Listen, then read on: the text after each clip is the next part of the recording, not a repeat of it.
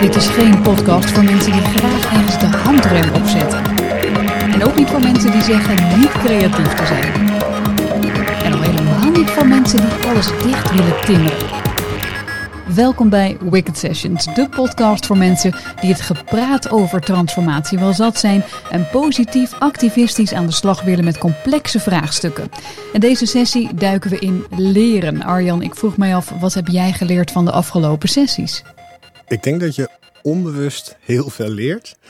Alleen dat het alleen een stuk sneller en beter gaat als je gewoon er wat bewuster mee omgaat. Dus voor mij was podcasten de eerste keer. Ik heb heel veel podcasts geluisterd en het is best indrukwekkend hier in de studio, camera's, mensen tegenover je.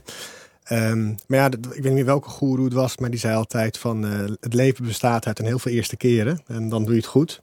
Dus ik ga het altijd graag aan. Alleen je merkt inderdaad, als ik naar jou kijk, jij doet dit al heel lang, dat jij het heel anders doet. Je zit veel dichter bij de microfoon. Ik heb dat gevoel dat je door mij heen praat naar de luisteraar. Terwijl ik zit te keuvelen met jou hier, alsof er niemand luistert. Dus ja, ik je leer gelijk van deze keren. En er komt natuurlijk inmiddels, we zijn een tijdje onderweg. Er zijn luisteraars en die sturen ook allemaal feedback.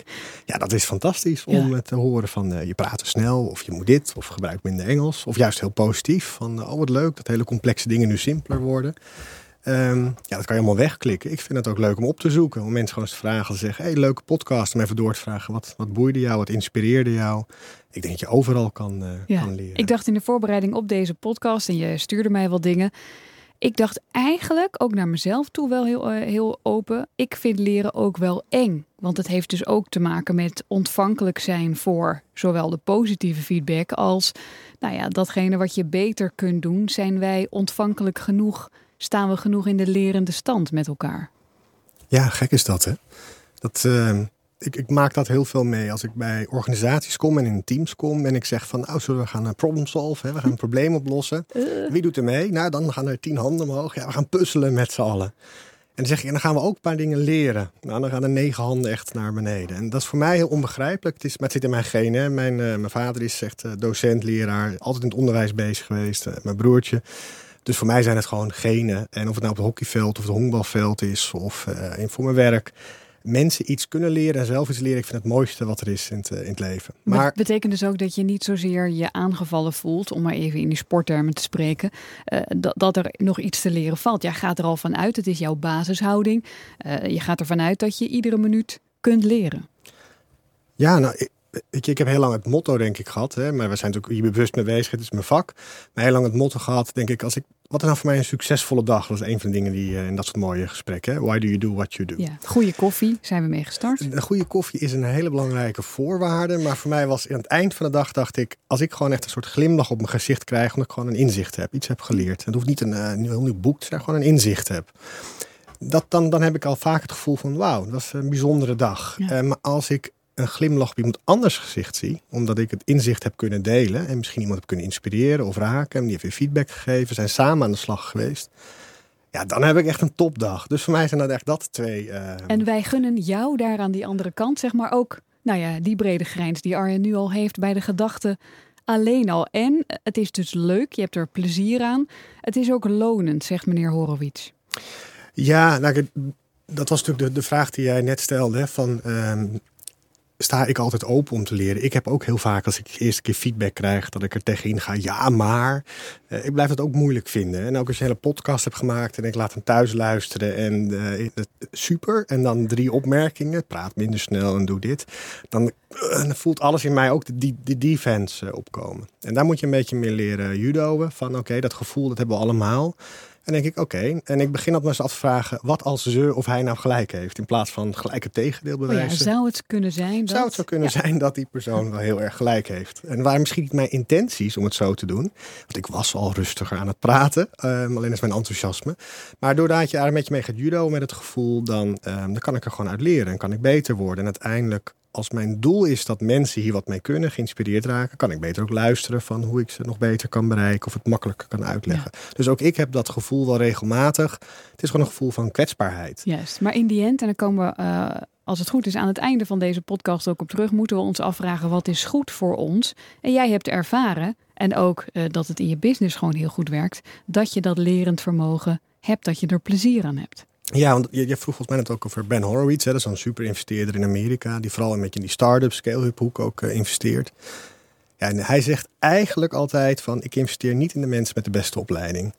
En ik investeer niet in die teams met het beste idee. Ik investeer eigenlijk in organisaties die mij het meeste lerend vermogen kunnen laten zien. Want als je elke dag met elkaar leert, dan vind je uiteindelijk je markt. En hij vindt die soort flexibiliteit, die agility eigenlijk, dat je continu kennis opbouwt, veel belangrijker dan dat je die kennis hebt en niet deelt of niet inzet. Dus lerend vermogen is denk ik cruciaal. En ik heb met heel veel scale-ups gewerkt, ook zelf scale-ups uh, gebouwd. En voor mij is de definitie niet zo van we zijn net begonnen of we zijn waanzinnig aan het groeien of zo zoiets, maar veel meer.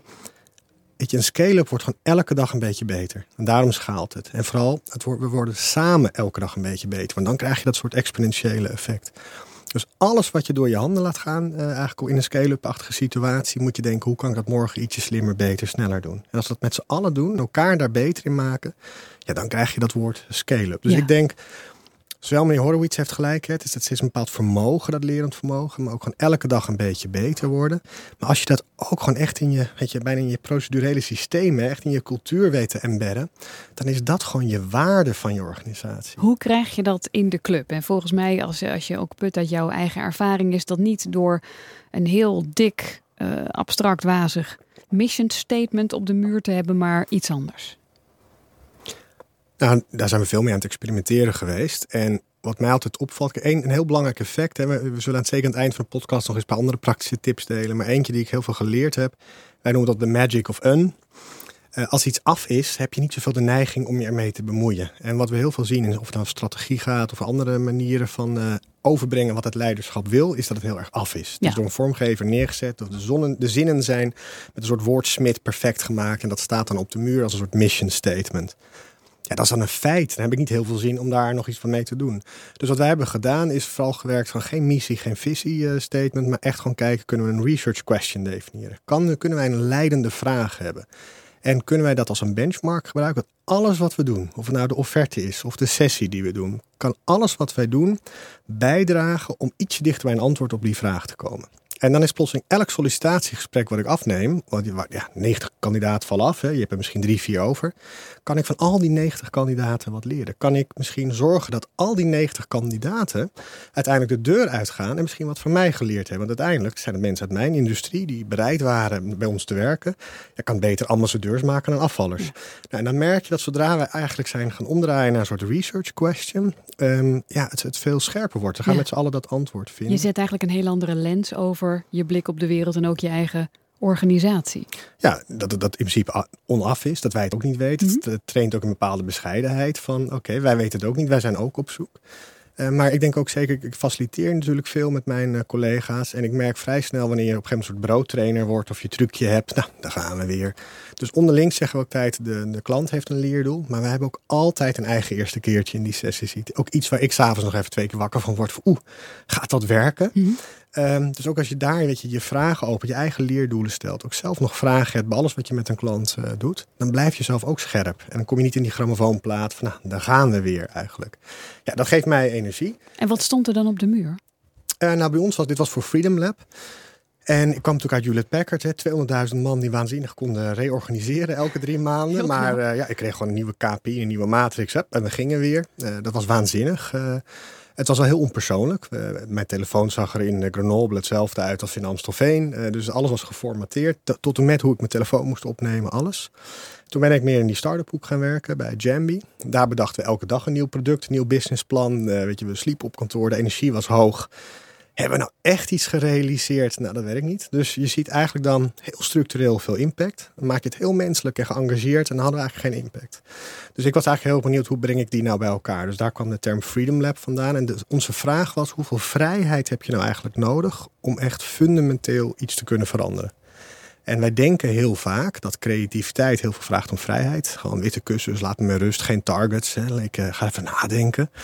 En implementatie, nou dan uh, moet je hè, op de bal zitten, implementeren, watervalgrafieken, planningen, rode, rode stippen.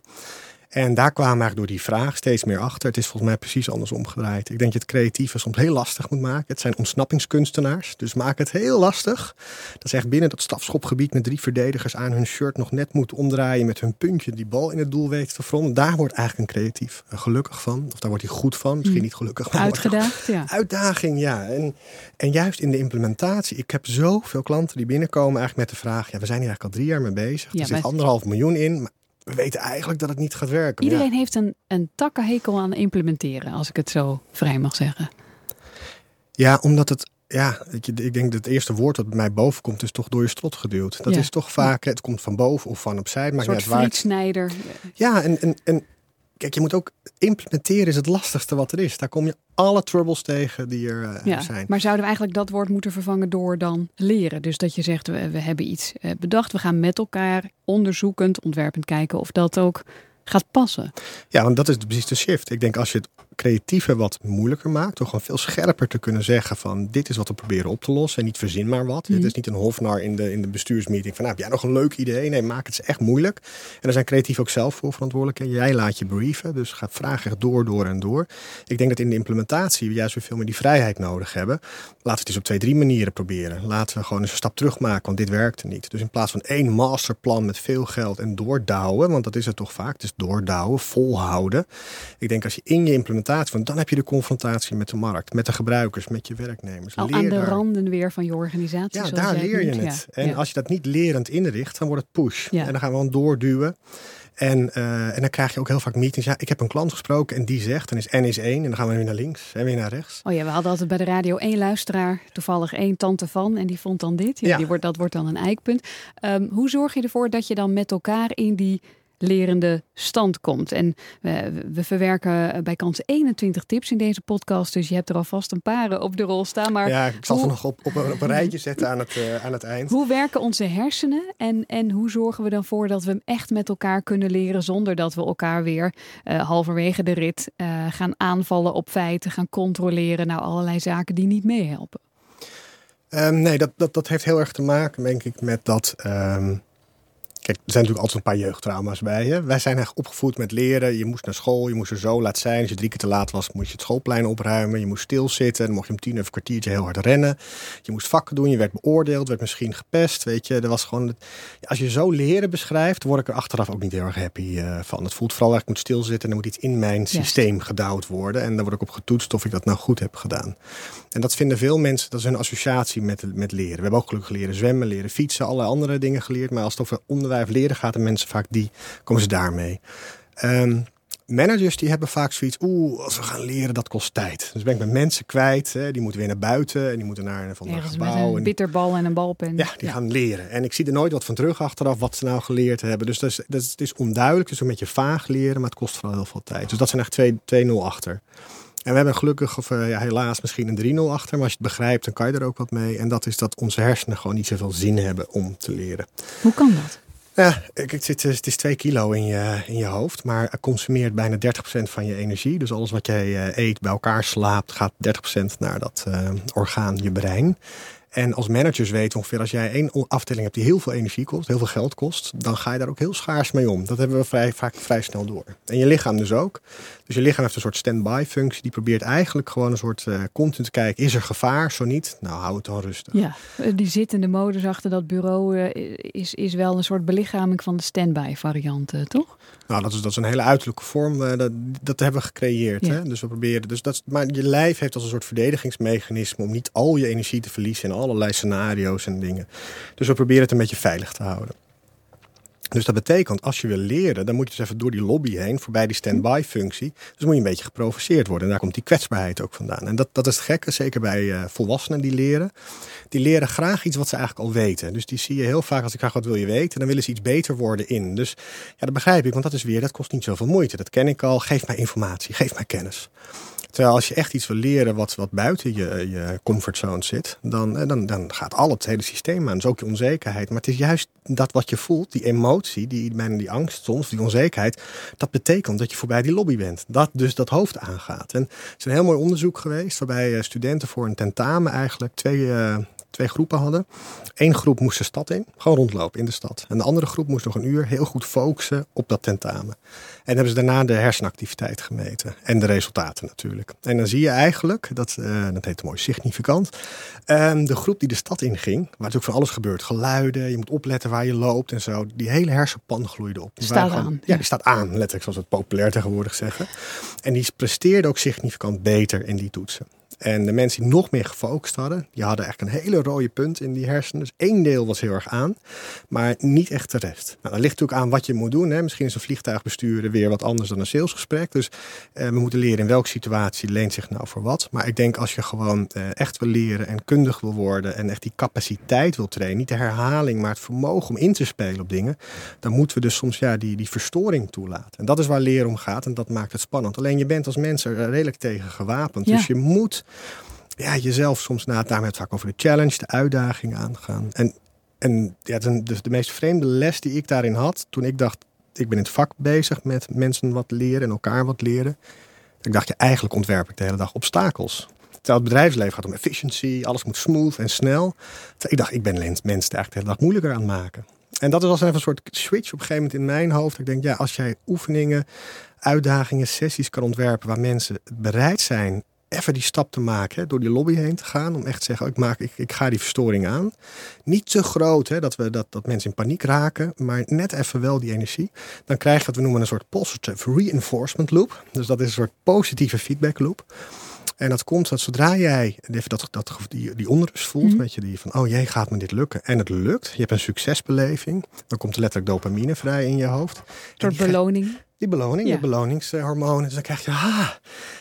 En ja, en dan moet je, en daarom werken we vaak met programma's. Als je dan mensen weer het volgende obstakel in de hindernisbaan geeft. Maar het leuke is, dus dat vind ik echt. Eigenlijk net als gamers, die vinden dit ook fantastisch. Toch? van level 1 bereikt, hupsakee, level 2. Ik denk dat je zo waanzinnig veel kan leren van de hele gaming uh, aanpak. Want dat zijn mensen die dus vrijwillig ervoor kiezen om het zichzelf moeilijker te maken. Om een obstakel aan en die endboss nog te verslaan. En, dat, en alleen wat je daar ziet, dat, is, dat noemen we mooi intrinsieke motivatie. Je hebt er zelf zin in. Niemand zegt, ga verdomme, nou zit het gamen daar, want je moet het afmaken. Het maar over die intrinsieke motivatie, want wij weten, uh, er luisteren mensen, nou die hebben geweldige afdelingen met mensen die, die willen en die, nou, die, die zijn hier ontvankelijk voor. We hebben ook een percentage, in ieder geval in, in BV Nederland. En ik heb wel eens een manager horen zeggen, ja, ik heb een soort boulevard of broken dreams.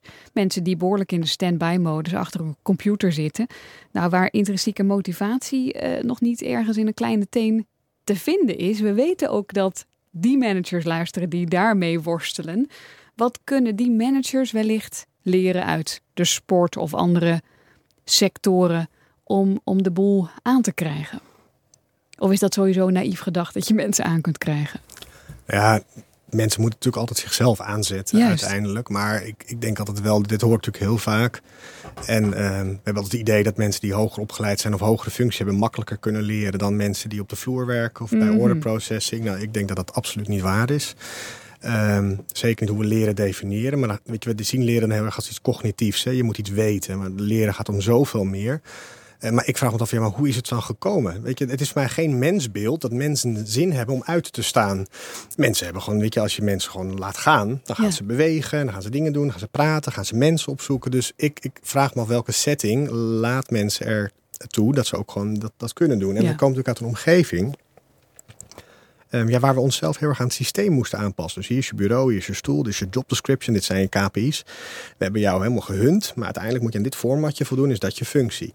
Ja, dan, dan is op een gegeven moment ook de vraag, loont het wel om aan te staan? Dan loop je op frustratie, kan je beter het allemaal uitzetten en gewoon lekker meedijnen. Dus ik vind het juist de verantwoordelijke van managers en, en leiders om een klimaat te scheppen waarin er geleerd kan worden.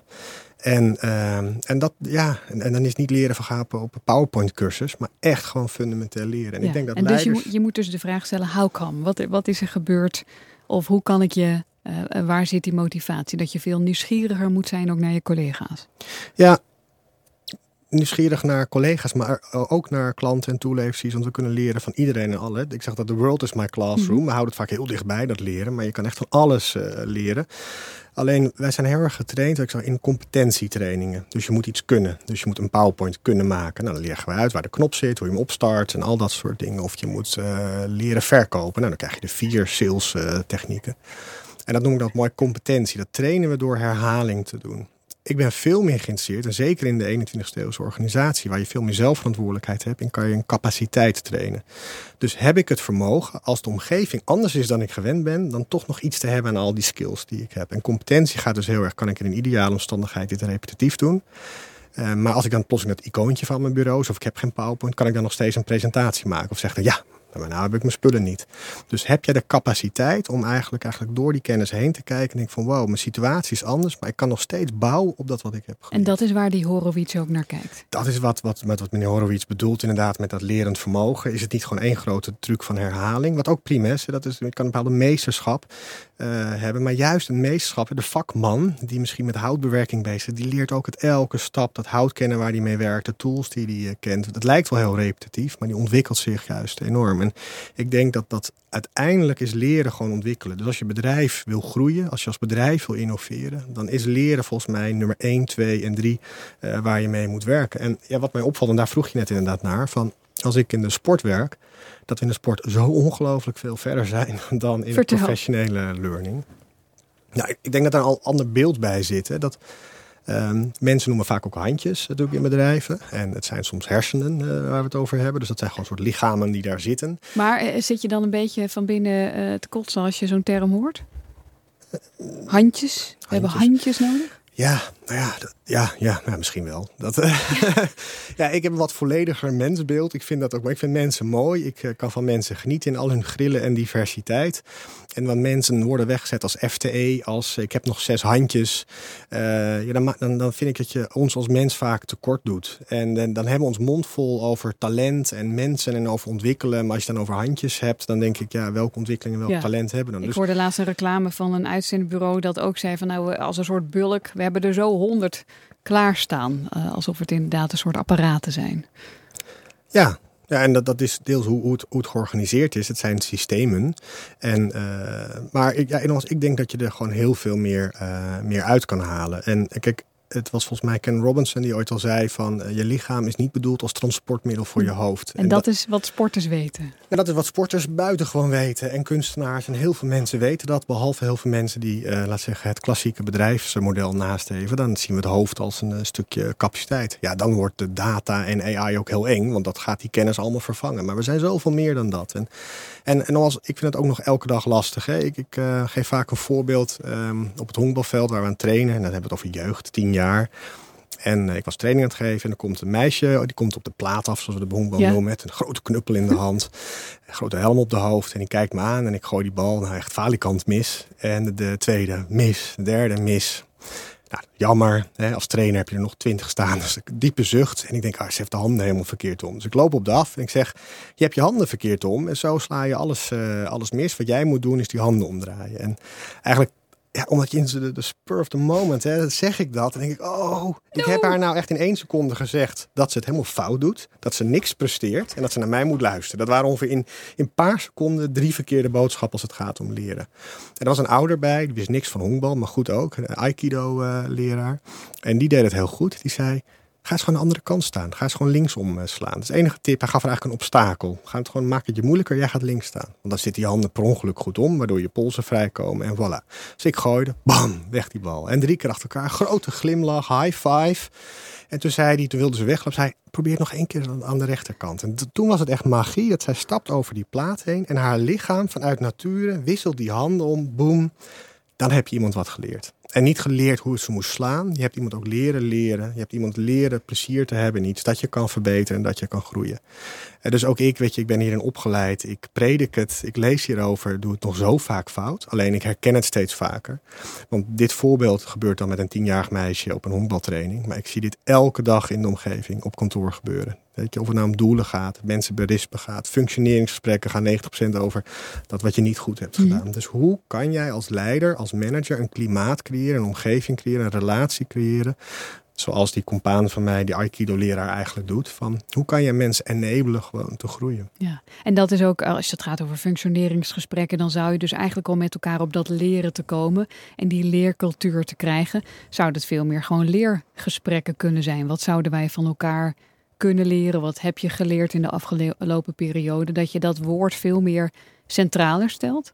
Ja, we hebben tegenwoordig wel persoonlijke ontwikkelingsplannen, POPs en al dat soort uh, dingen. Nou, maar... iedereen die ik daarover hoor, die trekt daar een, een, een frons bij. Niemand vindt daar een meter aan, uh, een pop. Uh, nee, maar ja, dat, dat Hoe vind je zelf dat het gaat? Ja, daar begint het al mee en dan moet je je ongeveer de cursussen noemen. Kijk, ik denk dat het heel goed is. Ik zou eigenlijk maar één ding van mijn medewerkers willen weten. Wat heb jij de afgelopen drie, zes maanden eigenlijk geleerd? Nou dat. En als je geen antwoord hebt, nou, dan betekent dat je niet gegroeid bent, niet ontwikkeld. Dan zou ik het op mezelf betrekken. Hoe kan ik jou helpen dit komend kwartaal wel uh, te doen? En als er dan nog niks gebeurt, dan vind ik dat je echt een serieus probleem hebt. Al heb je de hoogste verkoopcijfers, daar hebben we op lange termijn niks aan. We moeten gewoon met elkaar uh, ontwikkelen. Dus alleen dat zie je dus steeds meer. Dat pop gaat eigenlijk over cursussen. Cursussen kosten tijd en geld. Dus dat kan tegenwoordig digitaal. Dat is dan best vermoeiend, een uur luisteren naar iemand van Udemy of Harvard of MIT. Dus er zijn allerlei sites waar je in drie minuten design thinking leert. Ja, lees hier de highlights uit die artikelen, dan uh, ben je helemaal Gewoon bij. vijf stappen, drie minuten, vrolijk muziekje eronder, liefst nog een animatie, in ja. alle talen beschikbaar, bam. Oh ja, uh, je kan ook nog even leren negotiation, onderhandelen en assertief worden. Boom. Ja. Gewoon, en heb je negen minuten. Dat is totaal niet waar die, leren over die gaat. voice-overs die, die spreken naar je alsof, het, alsof je infantiel uh, bent. Jij zegt, we moeten veel meer naar, dus naar dat leren met elkaar. Want alleen van elkaar leren we goed. Dat doe je niet in je eentje met koptelefoon op achter zo'n digitale cursus. Um, kun jij een, een, voorbeeld geven? En misschien nog wel uit de sport of elders of reaal heb je volgens mij ook nog wel uh, in de praktijk uh, dingen gezien. Hoe kunnen wij met elkaar dan dat toch in die werkdag inregelen? Want mensen zeggen, ja, ik heb om 9 uur een call, om 10 uur dit, om 12 uur zus. Wil ik nog een kwartiertje ergens buiten een, een koffie halen en dan ga ik weer door. Mensen hebben vaak toch wel excuses en de hele drukke agenda's om te zeggen, ja, dat leren, nou ja, dat komt dan nog wel. Ja, dat, dat, ik schets even worst case kantoordag. Ja, ja, maar... nee, ik, ik, hoor je. En normaal is je, je vertegenwoordigt de stem van een heel groot aantal mensen. Uh, maar volgens mij, dat, dat, daar begint het mee. Kijk, leren is investeren. Je moet gewoon, nou, het, het, is, het is kwetsbaar, het kost moeite, het kost tijd. Um, dus ik kan het gewoon niet efficiënter voor je maken. Dus als jij zegt het past niet, dan, ja, dan is geen tijd is gewoon geen prioriteit op een gegeven moment. Je moet het wel gewoon willen. En kijk, een mooi voorbeeld is denk ik um, een groot accountantskantoor waar ze bezig met compliance trainingen. Nou, dat zijn ongeveer de ergste die er zijn, want er zijn, compliance werkt helemaal met veel regels. Heel belangrijk, want het zijn veel regels. Dus dan gaan we dat uitleggen. Slides, zitten, zeker alle nieuwe medewerkers moeten door de compliance training. En toen op een gegeven moment uh, is daar een, nieuwe tool voor ontwikkeld. We hebben bijvoorbeeld een, uh, dus een, meer een gamified approach noemen we dat. Dus dan gaan we echt leren van die game designers. En dat was meer een training dat je komt binnen en... Um, je was eigenlijk in de lobby van, uh, van een vliegveld. En je ging vliegen, business class. En um, je was op sales training. Dus uh, het ging erom, kan jij gewoon die klant binnenhalen die naast je zit in die business class seat. Nou, jonge gasten en dames bij elkaar. En die dachten van, nou, dat gaan we eens even doen. Dus uh, je gaat zitten, het is even een soort rollenspel. En die gingen gewoon aan de verkoop. En aan het eind, kamertje uit. En, is het gelukt? Ja, het was een compliance training, dus ze hebben over klanten gerefereerd waar ze niet mochten refereren. Ze hebben informatie gegeven die niet uh, mocht. Ja, dat is één er kleine ervaring van een uur. Maar die vergeet je nooit Ik meer. denk dat je nooit van je leven twijfelt aan wat compliance is. En daarna ga je eens lezen wat de regels zijn. Daar ben je er ontvankelijk voor. Dat heb je dan ook zo gelezen. Dat vind ik leren. Learning by doing, ervaring, die is zo belangrijk. Ja, want we, we, hebben, we hebben... Kijk, en dan met het voorbeeld uit de sport, in dit geval hockey. Want daar heb ik echt ongelooflijk veel van geleerd van de hockeybond, die daar zoveel verder is dan het bedrijfsleven. Omdat ze gewoon naar het lichaam ook kijken. Kijk, als ik, uh, wij spreken, leuk getalenteerde jeugd, een, een, een, een tackle moet leren, de block tackle. He, hoef je allemaal niet te weten wat het is, maar het is een tackle waar wat risico aan zit. Je kan de anderen raken, ze kunnen je voorbij spelen. Dat doe je dus maar op een bepaalde plek in het veld. Je gaat niet overal dat risico nemen. Dus dan zie ik die training, gaan we bloktackle leren. Heel efficiënt, hebben we er groepjes van gemaakt. En de een staat op de doellijn te trainen, de ander op de middenlijn, de een op de zijlijn. Omdat we proberen te leren hoe die werkt. We doen het voor, je moet het nadoen en check. Weet je, getoetst, jij kan de bloktackle. Dan heb je een wedstrijd op zaterdag of zondag. Dan komen er mensen op je af. Dat een bal die niet meewerkt. Zo'n houten ding in je hand. Dan is er niets in jouw hoofd die denkt... ik ga eens even nadenken welke tackle we zullen inzetten. Intuïtie. Het is gewoon, en dat is het. Je moet je zenuwstelsel trainen. Dus embodied noemen we dat. Belichaamd leren. Dat op een bepaalde plek op het veld dat je optie is. Dus je traint die tackle ook alleen maar op die plek waar je hem gebruikt. Dan maak het jezelf makkelijk. Nou, dus, dus dat en belichaamd leren. Want ons lichaam is zo zoveel meer dan weten. Dat kunnen we zoveel meer doen in het bedrijfsleven. Dus ik ben daar wel heel erg voorstander om niet iedereen naar de heid te sturen of naar allerlei cursuslocaties. Dan denk je, ja nee, daar kon het wel. Nee, je moet het echt neer de job trainen. Want dat noemen wij de learning transfer. Kan ik wat ik geleerd heb ook gewoon nou ja, een, een transfer doen naar dat ik, dat ik het ook ga gebruiken. Dat is vaak de klacht van de manager. Je hebt het wel geleerd, maar je doet het niet. Maar dan moeten we ook neer de job trainen. Maar dat betekent niet dat we er video's van moeten maken. En ik denk zo'n voorbeeld net van compliance training. Een heel mooi voorbeeld is van belichaamd leren.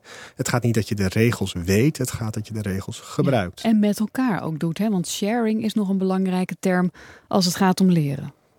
Ja, learn by doing, dat, is, dat noemen we een mooi experiential learning, experientieel leren vanuit in de ervaring. En niet uit ervaring, dat is weer die herhaling. Precies. Leren in de ervaring. Dus middenin ook van, dus meestal ook, als ik zo'n training geef, of het nou zakelijk is of sport, laat ze het eerst gewoon fout doen. Probeer eens een blok tackle. Nou, dan gaan ze aan de gang. Lukt niet. Nou, waarom lukt het niet? Wat probeer je eigenlijk te bereiken? En zo help je ze eigenlijk op een coachende manier. En daarom zie je ook leiderschap in sport veel meer om coaching gaat dan in het professionele stuk. Maar dat is eigenlijk uh, de shift die we moeten maken. Dan ben ik jouw vraag even kwijt. Waar jij ook sharing. weer, de sharing card. Ja, ja. ja dat, dat, is dus het learn by doing. Dat, dat, dat lukt steeds beter. Alleen een hele mooie uitspraak is altijd uh, in het Engels. Weet je, teaching is the best way to learn. Uh, als je het een ander kan uitleggen, dan begrijp je het pas echt. Dus leren is, zien wij vaak als weten. Dat gaat mij veel meer van begrijpen en kunnen. Dus dan krijg je eigenlijk, dat is leren door te doen, maar begrijpen door eigenlijk te delen. En dat is denk ik veel belangrijker aan het worden in organisaties. Niet alleen mensen allemaal heel getalenteerd en kundig aan elkaar kennis. Kennis halveert ieder jaar met die nieuwe technologie. Maar de kunde, de capaciteit, de creativiteit die wij mensen in, in ons hebben, de, de samenwerking die we hebben, daar zit het hem in. Dus hoe kan jij eigenlijk dat stimuleren? En dat merk ik eigenlijk zodra je binnenkomt, sessie 1 met een klant of met een groep. Ja, dan merk je het eigenlijk al van hoe je gebriefd wordt. Word je gebriefd van zo hoort het hier of zo werkt altijd? Of stellen ze jou een vraag? Hoe word je geïntroduceerd? Ze vinden het lastig, maar vertel ze maar eens even hoe het, hoe het zit. Tenminste, heb ik wel eens te oren gekregen. Ze, zully en hully. Nou, er zijn inderdaad gewoon projecten waarbij je als outsider vreemde ogen dwingen. Gevraagd wordt van misschien dat jij het kan uitleggen hoe het werkt. En dat is even net als de compliance training. Ja, dan ga ik uitleggen. Nou, weet je, design thinking zijn vier stappen en zo moet je het doen. Dat, dat, daar gaat hele design thinking niet op. te komen volgende sessie uitgebreid op terug. Dus, maar daar merk je eigenlijk al van, uh, worden de aantekeningen gemaakt. Ik zie zoveel meetings waar niemand aantekent. Van die, van die hondjes op de hoedenplank die alleen maar zitten te knikken, toch? Ja, die man heeft gelijk. Ja, en dat, dat, dat, daar kunnen mensen ook niet altijd... Want ik zeg dames, het is een cultuur. En het leiderschap is echt verantwoordelijk voor welke cultuur je neerzet. En dat begint dus zijn meetings voorbereid. Hebben we een goed doel van hoe gaan we met elkaar om? Maar dus ook van als jij niet van tevoren met jezelf afspreekt wat je intenties zijn met een meeting. En je niet journalt, dus niet een soort weet je, dummy bijhoudt waar je aantekeningen maakt. Als we geen harvest maken, een oogst maken van wat hebben we hier nou hmm. gedaan. Als we de kennis niet delen. Als we niet achteraf even een retrospectief doen. Wat is nou, weet je, wat ging goed, wat ging slecht, wat kan beter dan is er gewoon niks geleerd. En dan is een meeting puur een soort transactiemiddel om afspraken te maken. En maar zijn we niet gegroeid. Dat, dat, Oh, dat, dat leren nog. En die, uh, want jij noemde net het woord fouten. En dan merk ik bij mezelf al een soort fysieke reactie, een frons. Want een mens wil geen fouten maken. Wordt, is misschien zelfs wel bang om fouten te maken of daarop betrapt te worden. Hoor je dat ook terug van mensen die nou ja, door de lobby moeten en, en langs al die obstakels? Ja, ik maak de hele dag fouten. Ik heb hem volgens mij al drie keer versproken. Ik was een keer je vraag kwijt, dus ik maak de hele dag fouten. Ik denk dat fouten maken niet erg. Dus het is jammer als de fouten dodelijk zijn. Hè? Dus daarom zijn, moeten we een soort mission critical fouten. Die probeer je met z'n allen te voorkomen. Hè? Dus daarom let je op het stoplicht. En dat soort fouten zijn niet heel erg uh, fijn om te maken. Zijn we ook doorheen gelopen vanochtend trouwens? Zijn wij samen ook doorheen uh, gelopen, maar we hadden wat overzicht. Maar daarom, uh, weet je, ik denk ook in organisaties, natuurlijk, er is een categorie fouten die je niet wil maken. Um, er is ook een uh, categorie fouten die je niet hoeft te maken. Weet je, dat zijn gewoon fouten die je had kunnen voorkomen. Dus dat is gewoon slordigheid, ongeïnteresseerdheid, gemakzucht. Laakbaar. Ja, dat is gewoon jammer. Het kost, het kost iedereen energie, kost de klant misschien tijd, geld. Dus laten we die voorkomen. En, en er is een derde categorie fouten en die zijn productief. En kijk, als ik moet tekenen, of wil tekenen, gewoon leuk tekenen. Zoals de foto's van, uh, van jouw kind op de, op de Instagram. Dus ook druk aan het tekenen. Ja, dat moeten we gewoon heel veel doen. En dan maak je fouten in en door fouten word je beter. Dat vind ik een hele productieve manier. Als Maar ik een, kun je met elkaar definiëren welke fouten je mag maken met elkaar? Want daarmee creëer je misschien wel wat ruimte voor mensen om ook nieuwe dingen te oefenen. ik kan denk dat je dat heel goed eh, kan definiëren. En ik denk dat er veel meer productieve fouten zijn dan we denken. Alleen het gaat erom, kijk, mission critical weten we allemaal heel goed te herkennen. Als mens en als bedrijf kunnen we heel duidelijk afspraken maken, dat is critical. Dus als ik een huis ga bouwen en ik ga dan een beetje creatief zitten tekenen en achteraf stort dat huis in, dan weten we allemaal, hadden we kunnen voorkomen. Eh, als ik een handtekening moet zetten onder een contract en ik ga dan plotseling heel creatief zijn en de ding is niet rechtsgeldig, hadden we kunnen voorkomen. Dus wij weten echt als mensen wel heel goed wanneer het mission critical is en wanneer het productief is. Alleen, ehm, we zijn er gewoon niet heel erg in getraind. En dat bedoel ik van als je met een meeting al begint met je intentie uitspreken. Wat is goed voor ons? Ja, maar Ja. Dat, dat voelt al kwetsbaar. Want Ja. misschien halen we het niet. En dus proberen we dat een beetje te voorkomen. Als we aan het eind van de meeting elkaar allemaal een cijfer moeten geven. Zeggen, was het een goede meeting en we gaan een retrospectief doen. Nou, dan kom je er heel vaak achter dat het niet helemaal een perfecte meeting was. Geeft niet. Maar als je het inslikt en niet zegt, dan wordt de volgende... Ja, volgens mij was Einstein al die zei, als je op deze manier doorgaat... dan krijg je dezelfde resultaten als, als die Mhm. begonnen bent.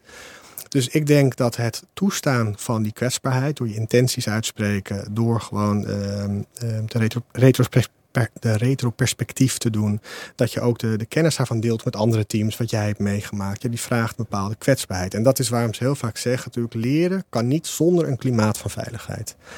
En volgens mij is het eh, Stephen Covey en Lencioni, die allemaal, die goeroes, die roepen van een, een, een team of een organisatie kan nooit sneller werken dan het niveau van vertrouwen wat ze onderling hebben. Het is vertrouwen in elkaar wat toestaat dat jij die ruimte krijgt om productieve fouten te maken. En ook in die zin wat eh, genadiger eh, naar elkaar te zijn. Want wat mij wel opvalt is dat mensen zowel bij grote fouten, ja, die, die misschien wel voorkomen hadden kunnen worden, zeggen: Oh, sorry, stom van me. Maar ook bij, ja, nou ja, wat jij dan noemt functionele fouten.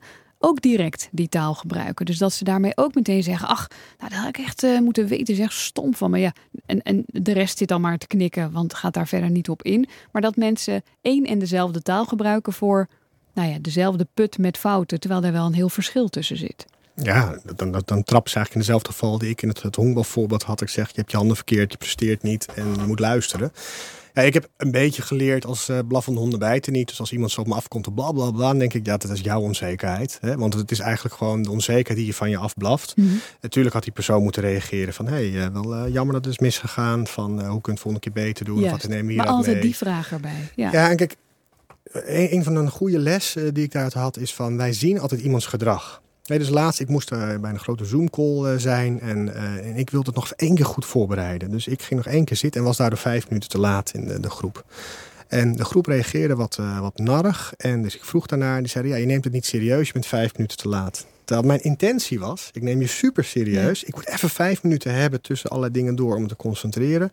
En dan ben ik er volledig. Alleen, je ziet van mensen niet de binnenkant, alleen de buitenkant. Dus we zien iemands gedrag, die een fout maakt, maar we weten niet wat iemands intentie was. En zo beoordelen we elkaar. Dus heel veel miscommunicatie gaat er rond het verwarren tussen intentie en gedrag. Dus als iemand als een soort bullebak op mij afkomt, bla bla bla, bla denk je, ja oké, hij begrijpt mijn intentie niet. Dus ik kan mijn intentie uitleggen, nog beter. Zeker als je manager of leider bent, had je eerst moeten, niet op het bedrag moeten beoordelen. Moet je eens doorvragen naar wat was je intentie. En dan weten we of een fout productief was uh, of niet. Dus daar kunnen we echt... Uh, ja, kunnen we echt enorm in ja. groeien met ja. elkaar. Of uh, elkaar ook vragen naar die omstandigheden waarin iemand functioneert. Ik heb wel eens aan iemand gevraagd waarvan ik dacht, was als een redacteur. En toen vroeg ik, nou, hoe gaat het met je? Ja, ja, goed. Ik heb je het ook te druk? Of heb, heb je misschien iets te veel op je bord? Of nee, nee, nee. Ik zei, of, nou, gaat het thuis allemaal verder fijn? Uh, niemand ziek of uh, dat soort dingen. Nou, heel gesprek van, nou, nou voelde zich kip le lekker. De omstandigheden waren goed. En toen heb ik heel eerlijk gezegd, nou ja, dan snap ik niet zo goed waarom je zulke slechte sheets aflevert. Dus ik, dat is echt mijn verwondering.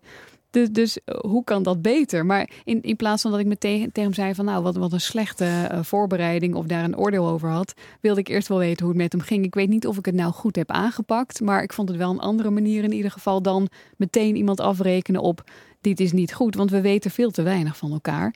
Aan de andere kant horen we ook wel eens collega's, en altijd dezelfde hoor ik dan verzuchten, uh, met allemaal excuses komen waarom iets niet gebeurd is of waarom iets niet is opgeleverd. Nou ja. Dat kan voor collega's natuurlijk ook wel heel frustrerend zijn. Mijn vraag is eigenlijk, ja, hoe, hoe ruim moeten we elkaar kunnen, kunnen leren, laten leren? Ja, er zitten natuurlijk twee dingen in jouw vraag. Hè. Kijk, de, dat mensen uh, niet het initiatief tonen wat je had verwacht. Weet je, daar hebben we het natuurlijk net al over gehad. Dat komt omdat ontwikkelen, jezelf uitspreken, intenties, de kwetsbaarheid tonen, willen leren gewoon moeilijk is. En daarom moeten wij daar in het geheel als organisatie daaraan werken. Dat er een omgeving is waarin dat niet alleen kan, maar ook gewaardeerd wordt. Hè? Dus mensen doen in een organisatie wat reinforced wordt. Dus daar waar de bonussen worden uitgekeerd, de complimenten worden uitgekeerd, dat gedrag gaan mensen vertonen. Als de grootste targethalers de grootste bonussen krijgen, mensen met de grootste mond, de grootste ellebogen, dan krijg je eigenlijk twee groepen. Degene die dat doen en de groep die zich daarvan distancieert en noemen een apathie. Die gaan gewoon uit. Dus je kan met je reinforcement model, een compliment vind ik al belangrijker dan een bonus. Maar waar geef je nou aandacht en complimenten voor? Daar begint het uh, voor mij. Ja, ik had ook kunnen zeggen goh, die sheet van twee weken geleden was te gek. Uh, kunnen we die deze week zo weer voor elkaar krijgen? Nou, dat, dat noemen we dan mooi een waarderende feedback. Hè? Dus ja, iemand, wil dat, iemand wil dat compliment nog een keer hebben. Zo ja. werken wij gewoon. Maar precies dus wat jij zei van... Heel goed gedaan, luisteren, uh, weet je, doorvragen. En het, maar net dat laatste zinnetje, hoe kan het zo zijn dat jij ja, dan van die foute slides maakt? Dat was of het een soort knock-out. Ja. Uh, het was een soort uh, Mohammed ja, Ali. Heel aardig uh, is en laten ineens, komen ja. en dan volledig eroverheen. Oh, totaal verkeerd. Ja, dat was jammer. Um, kijk, en dat, want ook daar geldt de context. Hè. We sturen mensen op PowerPoint-cursus, of soms niet eens, dan moet je een videootje kijken. Maar dat jij PowerPoint begrijpt, wil niet zeggen dat jij goede slides kan maken. Dus we hebben, ik moet vaak hebben mindset, skillset en toolset. Dat zijn even haast allemaal Engelse termen. Maar de toolset, de tool kunnen, PowerPoint, is anders de skill hebben om een boodschap over te brengen, is wat anders dan een soort mindset hebben van oké, ik probeer jou, uh, jouw verhaal eigenlijk, jou in jouw kracht te zetten om dat verhaal neer te zetten. En op al die drie niveaus kan dit misgegaan zijn. In ieder geval het voldoet niet aan jouw verwachting. En dat kan je uitspreken. Dit is wat ik wil. Ik heb een belangrijke groep. Ik moet daar een presentatie geven. Ik vind dat eng. Ik vind dat spannend, want er hangt voor mij heel veel uh, vanaf. Dit is een groep die vrij kritisch is. Dus ik wil heel erg to the point zijn. Zou je mij kunnen helpen? Wat mij een... heel erg zou kunnen ja, helpen ja, is ja. dat ik met een aantal slides dit zou uh, kunnen, doen. Maar we zien even dat mensen zijn vaak niet goed gebriefd. Weet je, we hebben weinig tijd om iemand te informeren wat mijn doel is. Het worden wat wij vaak noemen een assignment, een opdracht. En we zijn weinig aligned, afgestemd mm. op elkaar wat jij eigenlijk wil. Jij en ook niet helder afgestemd wanneer iets klaar moet zijn en waar het aan moet voldoen. Of wat, wat in ieder geval de, de, de vraag ja, is. De, de magische formule, die komt ook uit het game design. Dus dat je hebt de, de means nodig, de spullen. Dus dat zijn PowerPoint bijvoorbeeld. Je hebt uiteindelijk de ability nodig. Je moet wel PowerPoint kunnen gebruiken. Maar de allerbelangrijkste derde is motivatie. En, en die vergeten we vaak. Dus uh, jij moet gewoon dit doen. Zet even in mail dit en dit en dit en dit. Nou, ja, dat is means en ability. Ja. Maar even uitleggen wat jouw intentie is is zoveel. Kijk, want het gedrag wat je vertoont is haast, is druk, is pressie en stress. Uh, daar kan hij of zij geen intentie uit aflezen. Dus ik denk dat leren en vooral die psychologisch veilige ruimte, die trust creëren, begint gewoon inderdaad met de tijd nemen elkaar goed te brieven. Dan ga je, het is niet zo efficiënt, maar het is veel effectiever. You get, think, get things first time right. Hè, de eerste keer gelijk goed.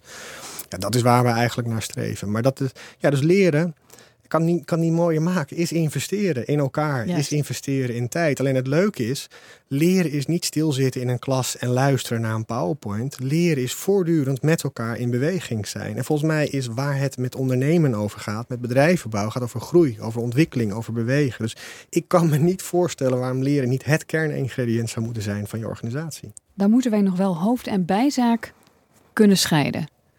Oftewel de third loop heb jij het genoemd. Ja, ze noemen het mooi even de, de, de triple loop. De, de, de, drie lussen eigenlijk van het leren. En wat wij nu dus, dus die herhaling waar we het over hadden. Die competentie trainen. Gewoon over en over gewoon dingen heel goed doen.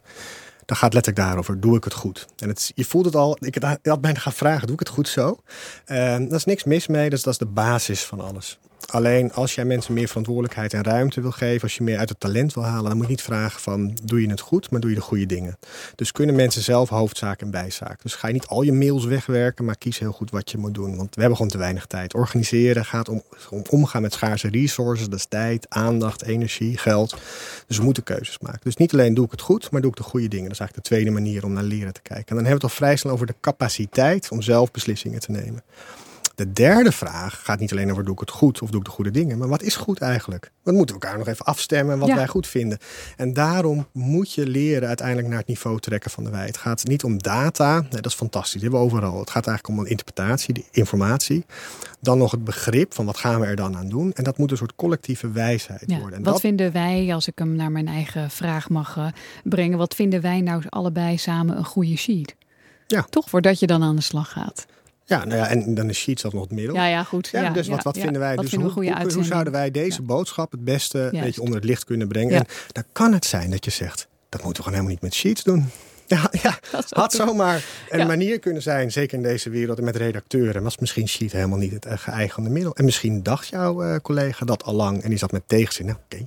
Dus Ga gaat maar toch een wel die template, nou, dan krijgt hij een master waar het allemaal in moet passen. En jij wilde veel te veel zeggen. En nou, dan denk ik ook, nou, ik typ het gewoon in en ik hoor wel drie Ze correcties. maar. Ja, en dan sta je zo ja, ja, maar van die apathie, vandaan. en dat is dodelijk natuurlijk. Ja, en dan, dan denken we dat het door die mensen komt. Maar het is heel veel in die setting die niet lerend, ook voor jou niet, voor, voor de persoon niet, niet lerend is eh, ingericht. En daarom en maken, laten, weet je, we hebben het vaak, ik noem het vaak always be learning. Hè. Mensen die me kennen zien altijd die hashtag always be learning. Het gaat voor mij niet alleen maar over lifelong learning.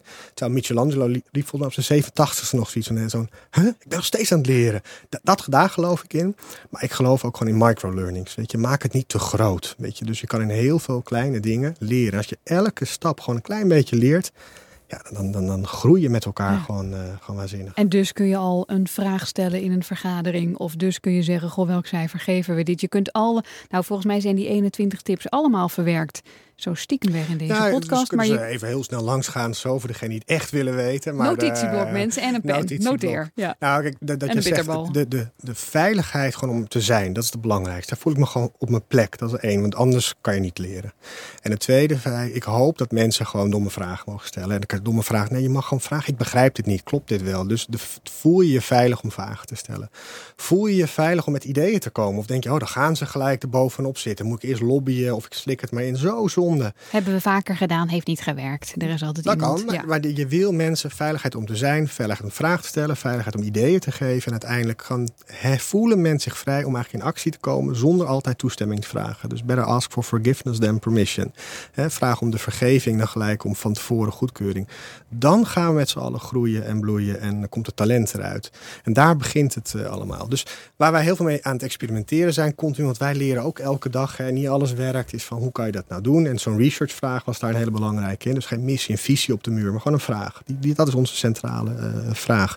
De antwoorden, eh, Ricardo Semler riep dat altijd, schrijf ze in potlood. Weet je? Want we zijn heel vaak geweest, omdat we een beetje onzeker zijn, gaan we het heel hard zeggen, gaan we het heel hard schrijven van zo is het. Nou, zou het kunnen zo zijn dat tot nu toe denken we dat. We noemen dat mooi provisional, tijdelijk. De antwoorden zijn allemaal tijdelijk. We zijn nog aan het leren. Het is een proces. Dat is een hele belangrijke. En dat past heel erg bij dat magic of un. Maak het niet te af. Weet je, onaf nodigt veel meer uit om, eh, om, om mee te denken. Permanent beta. Ja, de permanent beta eh, Ja. Ik denk ook een groot verschil is tussen transparant en eh, open. Transparant wil zeggen, en dat deze dagen speelt dat aan alle kanten, is transparant zeggen van nou, je kan alles lezen en zien. Maar dat heeft geen duiding. Dus transparant op de server, ja, het staat op de server, ik ben helemaal transparant. Dat, nee, het moet duiding. Open betekent, je mag me alle vragen stellen. Weet je, je ik geef je duiding. Dus ik denk openheid belangrijker is dan alleen maar transparantie. Dus geef duiding. Dus leg je intentie uit. Want dan kan ander daar ook met jou over in overleg gaan. Dus er moet ruimte zijn om die vragen te stellen. Om ook domme opmerkingen te maken. Als het dom in van. Ik spreek mijn gevoel uit. Hè? Mm. Dat noemen we dan een domme opmerking. Ik spreek mijn gevoel uit.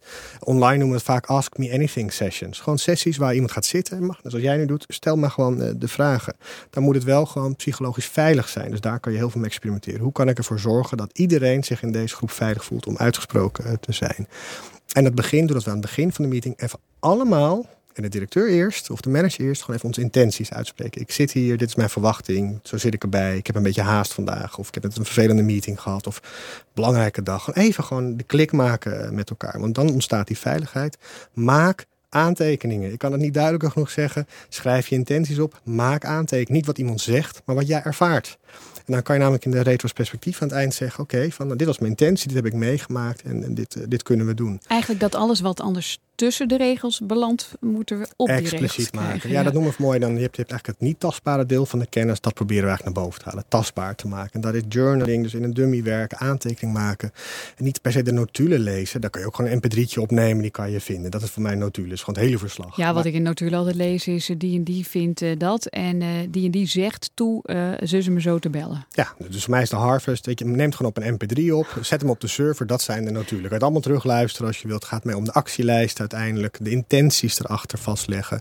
Uh, weet je, dat, dat is veel belangrijker. Dus wat is nou, wat, wat is de outcome, het resultaat uiteindelijk? Durf fouten te maken, weet je, probeer uh, dodelijke fouten te vermijden.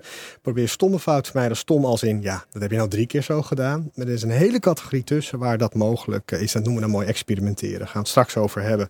Een andere hele belangrijke is denk ik, dat noemen we vaak de, de, de, de tweede positie. We proberen te leren uit wat we al weten. Dat, dat, dat, is, dat kan, dat is mooi. Maar ik heb zoveel geleerd toen ik een cursus biologie ging doen over design. Want natuurlijk ontwerp is heel anders. Ik heb zoveel geleerd in kunstgeschiedenis over betekenis. Dus ik denk altijd als je één dag minder voor je baas gaat werken of voor dezelfde projectteam of zelf project, groeien we allemaal in rendement waanzinnig van. En dat voelt zo tegenstrijdig, maar doordat je soms even vanuit een ander perspectief kijkt, ga je zoveel helderder zien waar het om gaat. Dus leren begint pas als er een verstoring is, een discrepantie is. Dus je moet jezelf wel durven verstoren. Dus die, die tweede houding is heel uh, belangrijk. Dat delen, ja, voor mij werkt het vooral ik probeer wel altijd gewoon een blog bij te houden. Van, daar, daar schrijf ik gewoon heel eerlijk. Dit was mijn dag, dit heb ik geprobeerd. Dit is eruit gekomen, dit ga ik morgen proberen. En zeker in belangrijke projecten waar veel risico is of waar veel onzekerheid is. Het eerste wat ik doe is gewoon een blog openen, het team toelaten in mijn beleving eigenlijk in die, die wereld. En dat is al een manier eigenlijk, want het grappige is, drie maanden verder weet ik soms niet eens meer wat ik dacht drie maanden geleden. Nee, maar dus je organiseert wel een soort, tenminste zo uh, oog je ontzettend, een soort kalm midden. Omdat je al die spaghetti en gedachten en dingen ook even ordend en inzichtelijk voor jezelf maakt, waardoor je dat niet als een soort ballast hebt of een soort telkens terugkomend uh, terugkomende gedachten. Ja, en ik hoop, maar ja, dan moet je de mensen om mij heen afspreken. Dat ik niet de ballast iemand anders neerleg. Want dat gebeurt natuurlijk per ongeluk. dat je, ja. je het zelf niet weet en onzeker bent, je, zonder dat je door hebt al die ballast iemand. En daardoor voelen mensen zich niet veilig, niet uitgenodigd. De mental load. Ja, ja en dat is, dat is wat we natuurlijk vaak bedoelen. Wees niet een manager, maar een coach. Kan je een omgeving creëren. En door zelf daar wat meer open in te zijn en dat te delen, creëer je ook een structuur. Maar kan ik ook nu na één maand, na drie maanden, twaalf maanden gewoon letterlijk teruglezen. Nou, en daar gewoon learnings uithalen. Um, hashtag Today I Learned is online ook vaak populair. Uh, omdat, wij sluiten altijd af aan het eind van de dag. Today I learned. Gewoon in één zin. Wat heb ik vandaag nou meegenomen? En dat je dat van elkaar... Ik vind dat het leukste moment van de dag om te lezen van elkaar. Wat heb je geleerd? En het zijn allemaal hele kleine dingen. Maar dat doe je gewoon als team ergens? Gewoon team. Gewoon, we hebben een interne soort Twitter. Of je het nou in Teams doet of echt via Twitter. Maakt niet uit wat je gebruikt. Slack. Maar gewoon hashtag Today I learned. En, dat, maar dat, dat geeft gewoon aan dat je dat... dat wat krijgt de aandacht aan het eind van de dag? Wat krijgt aandacht bij elkaar? Is dat we iets geleerd hebben. En dat kan heel klein zijn. Maar het leuke is natuurlijk, de eerste vier dagen loop je helemaal gespannen rond. Wat heb ik geleerd? Wat heb ik geleerd? Hè? Uh, maar dat wordt heel snel een, uh, een, uh, een gewoonte. Hetzelfde zie je van als je met dashboards werkt. Wat doen we? Rood is gewoon gevaar. Ehm, groen is wat goed gaat. En ik zeg soms draai het eens om. Maak gewoon wat goed gaat rood. En wat slecht gaat groen. Wij als mensen hebben nou ook een neiging naar gevaar te kijken. Rood, vuur. En dan ga je eigenlijk de goede dingen meer aandacht geven. In plaats van de slechte dingen. Het is namelijk de hele dag krijg je met dashboards ingepeperd wat niet werkt. Ja, of ongelezen mails allemaal rood en allemaal ingewikkeld. Ja, ik denk soms andersom, laten we kijken wat wel werkt. En hoe kunnen we een omgeving creëren waarin de kans dat dingen die wel werken groter is. Want als je risico's en fouten gaat vermijden, dan ben je eigenlijk niet aan het groeien. Dus dat, dat zijn allemaal hele simpele dingen. Volgens mij heb ik dan de meeste wel, uh, wel gehad. Maar daar gaat het voor mij uiteindelijk uh, om. En ja, ik noem het vaak dat, dat wat eigenlijk allemaal om gaat, is we noemen een soort master-apprentice model. Leren gaat ook om heel erg de kans hebben dingen af te kijken. En uh, daar ontstaat ook vaak dat gevoel van trust uit, van die relatie uit. Dus als we een maandpresentatie hebben, laat ik liefst de jongste mensen de presentatie. Het is de belangrijkste presentatie we hebben, maar laat dan de jongste mensen de presentatie geven. Natuurlijk doen die alles fout en vergeten het en stammelen en alles. Prima. Daarmee geef je gelijk aan dat jonge mensen een kans krijgen. Dat we allemaal fouten maken. Ze worden er heel snel uh, beter van. En in plaats dat ik als manager daar als een soort alfa man ga staan met perfect gevormgegeven slides. En nou jongens, zo moet het. En het zit hem in dat soort hele kleine elementen van hoe je meetings, presentatie en echt waar je kan laten zien. Wat wij hier stimuleren is echt het, uh, is echt het leren. En dan laat je het leren gewoon bewegen is en niet in een klas stilzitten. Mooi. Waar gaan we het de volgende keer over hebben? Ja, nou ja, dat, dat te leren dus, dus lastig. en dat is dus behoorlijk lastig. En zeker als je organisaties zo inrichten. En ik denk wat een heel mooi mentaliteit die bij past, is de design mentaliteit. Als geen ander weten die om te gaan met die onzekerheid, de onduidelijkheid. Het design is op zoek naar duidelijkheid. Dus laten we daar volgende keer eens bij, uh, bij stilstaan. Ja, en ik vond in die zin dat design, misschien kun je daar nog kort iets over zeggen als uh, uh, tease voor de volgende keer. Ja, design is natuurlijk, ah, we denken het over producten en spullen gaat en over esthetisch, allemaal features erop. En dat zien we als design. Terwijl design, letterlijk het woord betekent, eigenlijk afpellen als een soort ui op zoek naar de kern. Dus to design is dingen eigenlijk steeds kleiner maken. Die ontwerpen om de mentaliteit is dingen zo klein maken dat je tot de kern komt. Weet je, misschien is dat ook een mooie afsluiter. We zijn een uh, heel eind op reis geweest uh, vandaag. En misschien moet je vandaag eens afvragen van, goh, wat neem ik nou eigenlijk mee uit deze podcast? En, en natuurlijk heel veel eigen parochie. Maar hoe kan ik iets uit deze podcast nou delen met een ander? Want dan krijg je dat soort learn by doing, understand by, uh, by sharing. Dankjewel. Wil je nog veel meer leren of gun je iemand anders nieuwe inzichten? Ga dan naar wickedsessions.nl.